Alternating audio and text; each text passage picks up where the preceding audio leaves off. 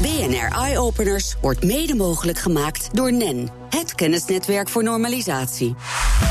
BNR Nieuwsradio. BNR Eye Openers. Meindert Schut. Een wereld zonder batterijen. Als het aan de start-up Energy ligt, komen we daar heel binnenkort al bij in de buurt. Ze vonden een manier om met het kleinste beetje licht nog genoeg stroom op te vangen om batterijen in kleine apparaten onnodig te maken. Nick Kiran van uh, Trist Energy, hij kan haar fijn uitleggen hoe het allemaal werkt. Nick, hoe, hoe ziet jullie vervanging van die batterij er precies uit? Nou, het is eigenlijk een hele kleine module, zo groot als een postzegel ongeveer. Uh, en die, kun je, die heeft gewoon een plus- en een min-knop, net zoals een batterij een plus- en een min-punt heeft. En die kan eigenlijk met het licht dat onder je bureau zit, dus zo weinig, 200 lux, kan die al genoeg energie opwekken om een connected apparaat uh, te verbinden met het internet binnen die Internet Things beweging. Oké, okay, maar dit is dus in feite is het gewoon een hele kleine zonnecel. Eigenlijk wel, ja. Het is, het is, uh, ja. We noemen het zelf light energy, omdat het zo efficiënt is dat het zelfs met licht werkt. Dus eigenlijk echt zon heb je niet meer nodig. Oké, okay.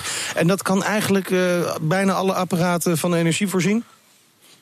Ja, alle Internet of Things apparaten zeggen we zelf. Kijk, we snappen zelf ook wel dat er nog niet heel snel een Tesla gaat rijden op onze, onze techniek.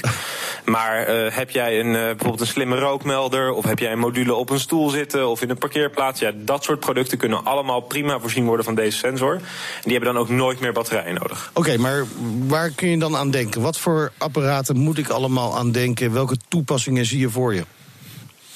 Nou, ik zie een smart city voor me met slimme parkeerplaatsen, die, waarbij alle parkeerplaatsen voorzien zijn van een tracker, dat je weet dat er een auto op staat. Maar ja, dat zijn natuurlijk uh, tientallen duizenden sensoren per stad die ook iedere drie jaar moeten worden vervangen. En dat is niet alleen slecht voor het milieu, dat kost natuurlijk ook nog een hoop geld. Dus die business cases worden gewoon gekild. Maar denk ook aan slimme stoelen in kantoorgebouwen. Dat je weet dat er iemand op zit en dat je niet het hele gebouw op goed rond hoeft te zoeken voor een flexplek. Ja, precies dat soort toepassingen. Kijk, daar gaat deze, deze techniek enorm helpen. Want dat werkt dan gewoon altijd en voor altijd. Oké, maar jij zegt dus op dit moment worden er slimme parkeerplaatsen eigenlijk niet aangelegd. Omdat die batterijvervanging te duur is, milieuvervuilend, et cetera, et cetera. En jullie module is daar een oplossing voor. Ja, wij maken die business case eigenlijk mogelijk doordat, uh, nou, vanuit het duurzaamheidsaspect, ja, hoef ik niet uit te leggen wat, uh, wat het voordeel is. Maar ja, het, het, het, een batterij zelf is niet zo heel duur. Kijk, dat nee. is uh, afhankelijk van type batterij ergens tussen de aantal cent en 15 euro, afhankelijk welke je neemt. Vaak in die parkeermodules zit er wat, zit een wat duurdere batterij, omdat die moet ook echt 10 jaar meegaan, omdat je dat, dat onderhoud wil uitstellen.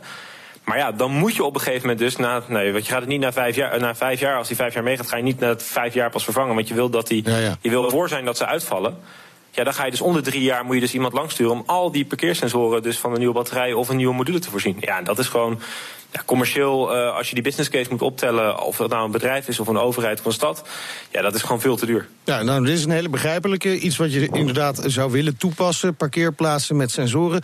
Nou, kan ik me voorstellen bij dit soort dingen dat er ook hele nieuwe ideeën ontstaan. Uh, zijn jullie die al tegengekomen? Ja, we zijn een beetje aan het kijken van wat is interessant. En een van de meest interessante dingen zien we in de, de Smart Office, zoals dat zo mooi heet. En dat is dan, uh, dat is dan een module op een stoel, wat ik net al noemde. Ja. Uh, dat is echt zo'n zo'n mooi ding. Dat ik, je kan je voorstellen als jij in, uh, in een kantoorgebouw werkt met acht verdiepingen. De gemeente Rotterdam is er eentje waar echt uh, zo'n toepassing is. En dan moet je daar binnenkomen en dan, en dan ben, je, ben je wat later. En dan zie je er overal iemand zitten. Maar je weet niet precies waar je collega's zitten. Je weet niet waar je zelf kan zitten.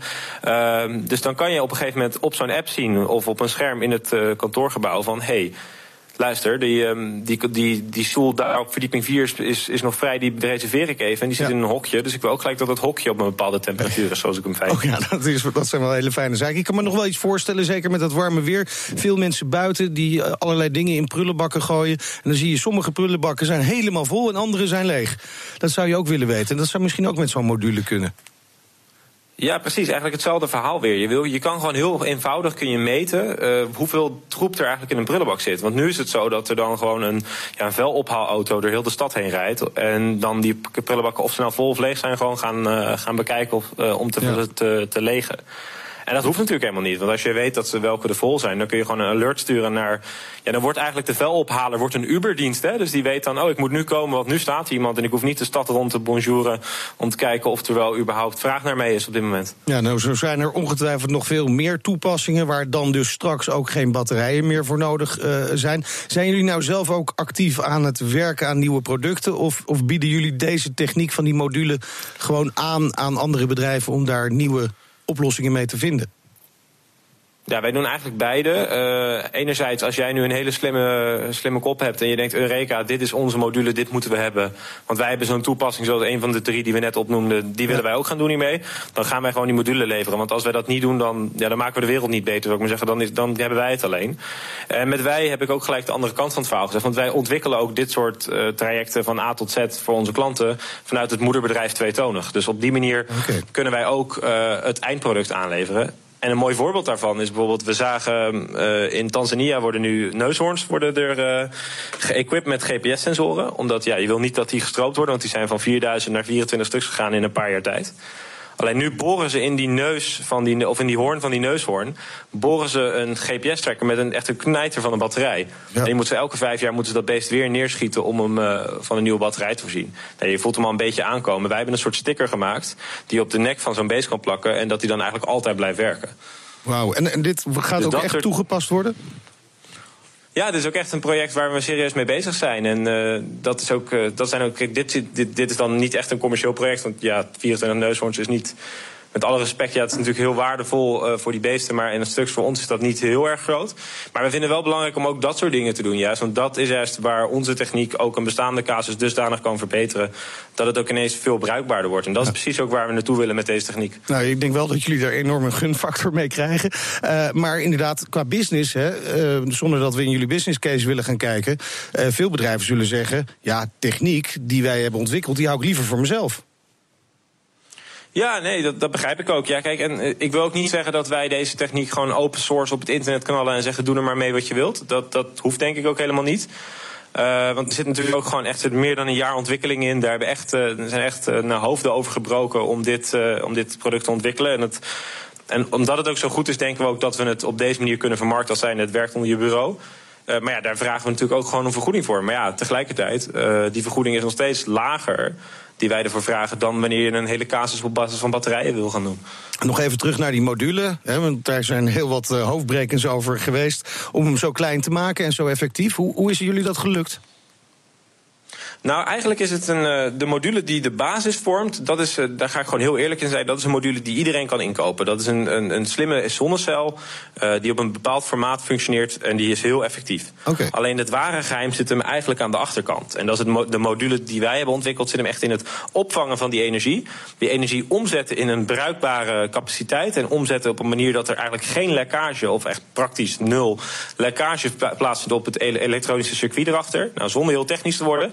Wat dat eigenlijk betekent is, wij hebben van die techniek hebben wij een bruikbare techniek gemaakt en het omgebouwd tot een module waarmee nou, iedereen die een beetje technisch is, of iedere organisatie of iedere use case ook daadwerkelijk uh, het kan gebruiken. Dus dat, eigenlijk hebben we het verbruikbaar gemaakt. Ja. En jullie willen hebben we vooral, hier, vooral gedaan.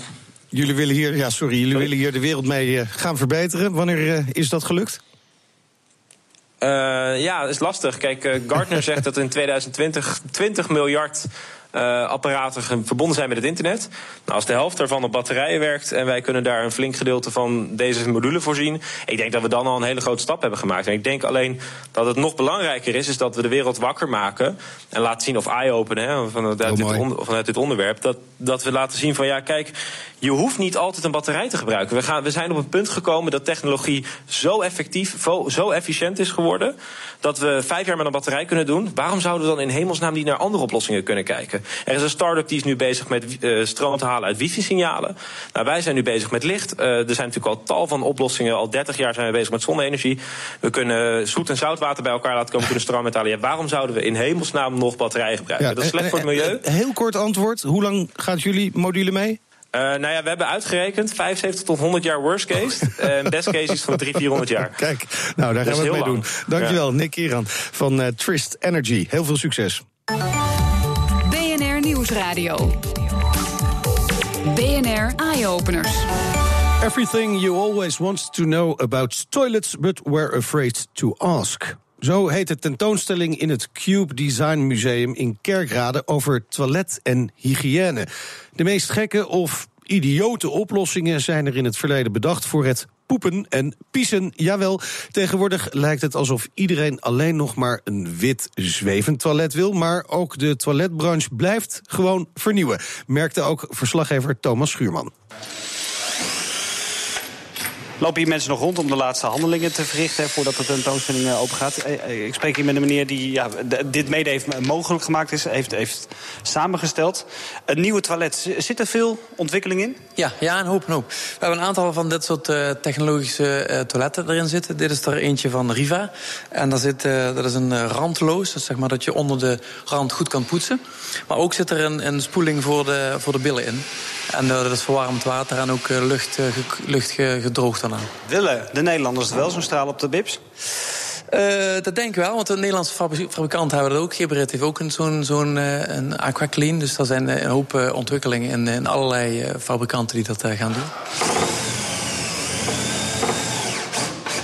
Hans Gubbels is de directeur van het museum. Nou, ik denk zelf dat in de wc-pot zelf... dat uh, daar niet zoveel ontwikkeling uh, meer in zal plaatsvinden. Natuurlijk blijven er altijd nieuwe modellen en blijven er nieuwe ideeën komen... maar dat is vooral echt een esthetisch en vormgevingsaspect. Uh, de volgende stap die gaat komen is natuurlijk toch... dat er analyse van je ontlasting plaatsvindt. Dus dat je eigenlijk ja, gewoon een soort displaytje achter je toilet krijgt... waarin staat van nou, ik zou toch maar eens naar de huisarts gaan of iets dergelijks. Dat is wil je dat weten, dan, ja, dan moet je nodig, dan zit je, ben je klaar... en dan lees je achter je hey, shit, je, als je niet oplet, ben je morgen ziek. Ja, dat klopt. Ja, wil je het weten? Dat is een beetje de vraag natuurlijk met alle wetenschap en technologie waar we mee bezig zijn.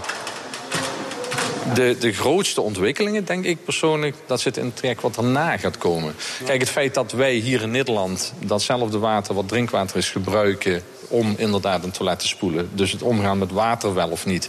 Uh, kun je inderdaad met dit soort uh, producten die komen. Hè? Want, want ontlasting is ook, kun je er iets mee. Dat is bijvoorbeeld een Italiaans bedrijf, Merda Cotta heet dat. En die is gewoon aardewerkend maken van poep. Nou goed, dat, dat zijn allemaal ontwikkelen. Als je naar duurzaamheid kijkt, uh, reuse, recycle, reduce. Al, dit, dat is denk ik echt de toekomst voor het toilet. Want met z'n allen, de hele wereldbevolking...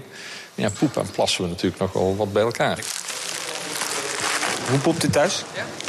Heel erg goed, moet ik zeggen. Ongeveer drie keer per dag. Dus- Modern? Dus, ja, nee, heel, heel erg traditioneel, uh, moet ja. ik zeggen. Ik heb nog geen, uh, nog geen meetapparatuur, dus wat dat betreft uh, houden we het nog gewoon bij het gewone. Nee, maar ik vraag u heel direct, maar het is, u heeft het net ook al gezegd... het is toch een, ja, iets waar we een beetje schaamte omheen hangt natuurlijk. Ja, tuurlijk. Uh, het is heel grappig. Uh, ik ben getrouwd, uh, 30 jaar al. Maar ik zou niet precies weten hoe het gedrag van mijn vrouw op het toilet is. Ja, ik weet dat ze inderdaad wat last. Maar hoe ze haar toiletpapier vouwt of propt, of, dat weet je allemaal niet. Wordt niet nagevraagd op de bank? Nee, nee, nee. Dat, dat is toch iets wat inderdaad zelfs, hè, als je iemand zo lang kent, een taboe is. We kennen het allemaal van vroeger. de tijd dat mensen met een toiletrol op de camping naar het ja. toilet toe gingen. Ha, ha, ha, ha. Juist, inderdaad. Dat, dat is het gedrag eromheen. Ja, dus allemaal vragen aan je partner hoe ze poepen. Dat was directeur Hans Schubbels in een bijdrage van verslaggever Thomas Schuurman. En straks hoe je wormen die groen afval verwerken tevreden houdt in een... Uh, en een, nou niet in een BH, en een BH tegen borstkanker.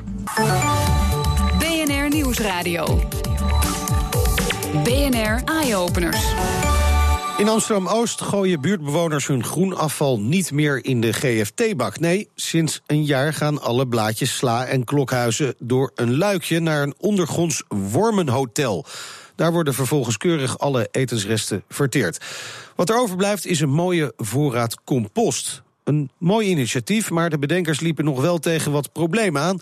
Zo bleek het nogal uit te maken hoe je het eten bij de wormen op het bordje brengt. En juist daarvoor hebben vier studenten van de Hogeschool van Amsterdam een oplossing bedacht. Lars van Riet is een van die studenten. Welkom Lars. Hallo, goedemiddag. Ja, met welk probleem uh, klopte de bedenker van het Wormenhotel bij jullie aan?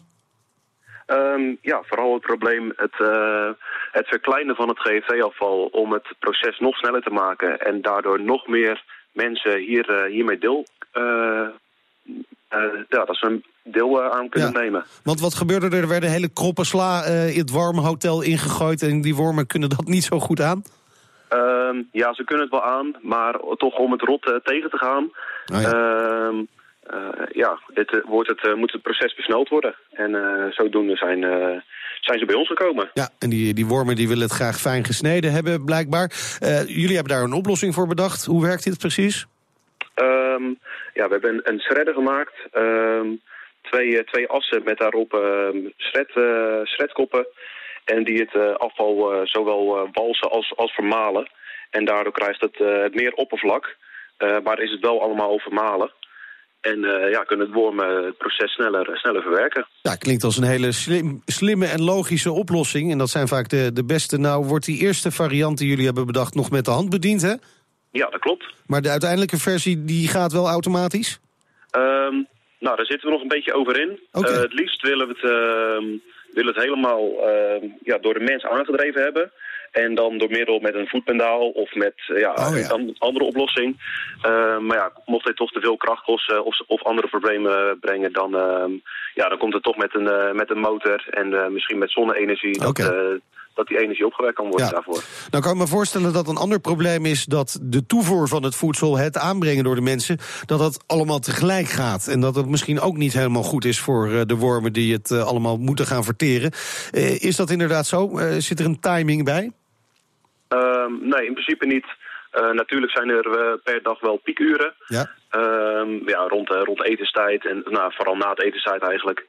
Um, maar eigenlijk maakt dat, maakt dat weinig uit voor het okay, dus jullie, jullie hoeven de toevoer van het voedsel niet te timen? Nee, nee. nee. Dat is, ons was echt alleen voor het vermalen van het GFT-afval en het karton. Oké, okay. nou, nou zit dat wormenhotel onder de grond. Hè. Dat is eigenlijk op zich natuurlijk wel jammer, want dan kun je helemaal niet zien wat er gebeurt. Uh, maar dat is toch ook wel weer een speciale reden dat het onder de grond zit, hè?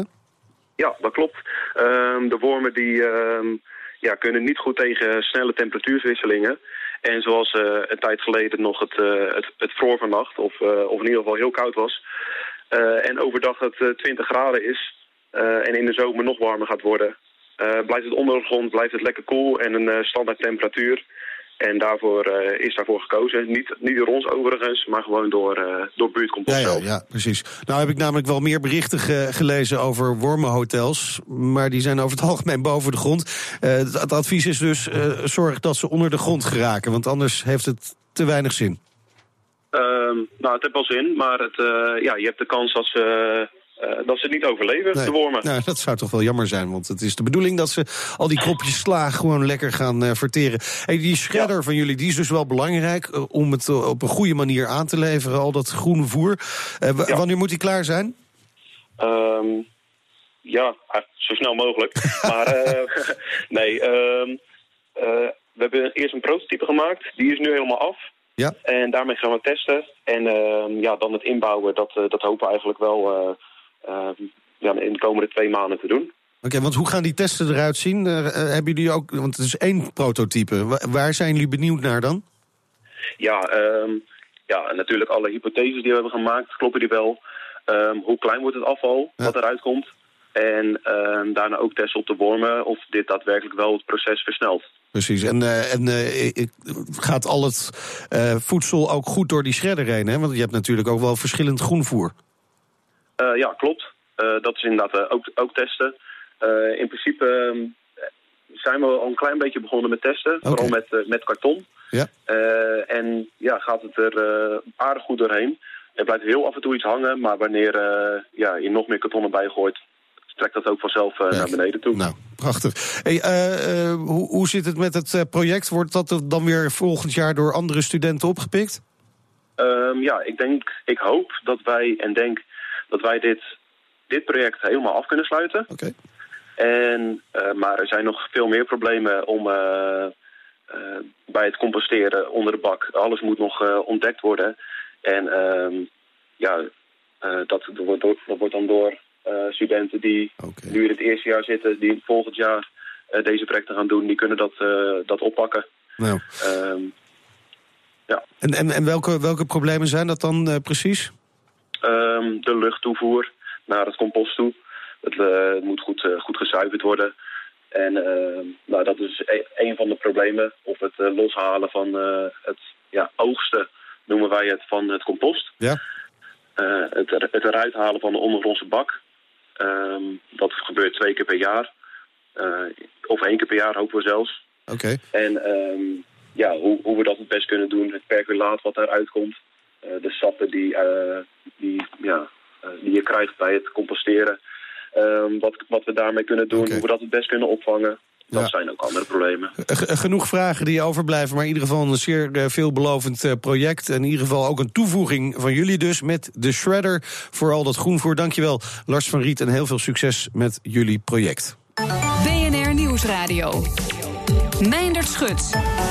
Tijd voor uh, wat technieuwtjes uit het buitenland. Dit keer niet met Elger van der Wel, maar met onze eigen Carlijn Meinders. en Carlijn, jij kwam wat interessante dingen tegen, zoals een BH eh, die op borstkanker controleert. En hij is niet ontworpen door een technologie-gigant, zoals je misschien zou verwachten, maar gewoon door een jong ventje. Hoe zit dat? Ja, Julian, de bedenker van de BH, is een Mexicaanse jongen van 18 jaar.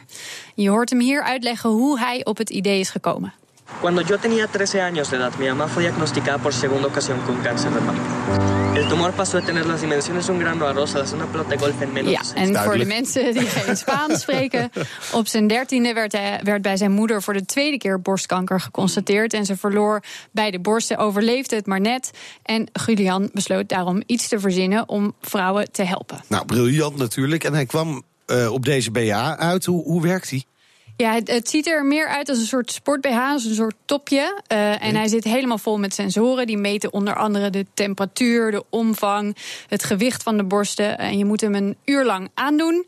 En dan controleert hij op afwijkingen eigenlijk. En als je dit uh, regelmatig doet, uh, kom je er mogelijk veel eerder achter dat er iets niet helemaal in orde is. En het is natuurlijk een stuk vriendelijker dan het huidige onderzoek dat uh, gepleegd zeker, wordt. Zeker, vaak. Ja.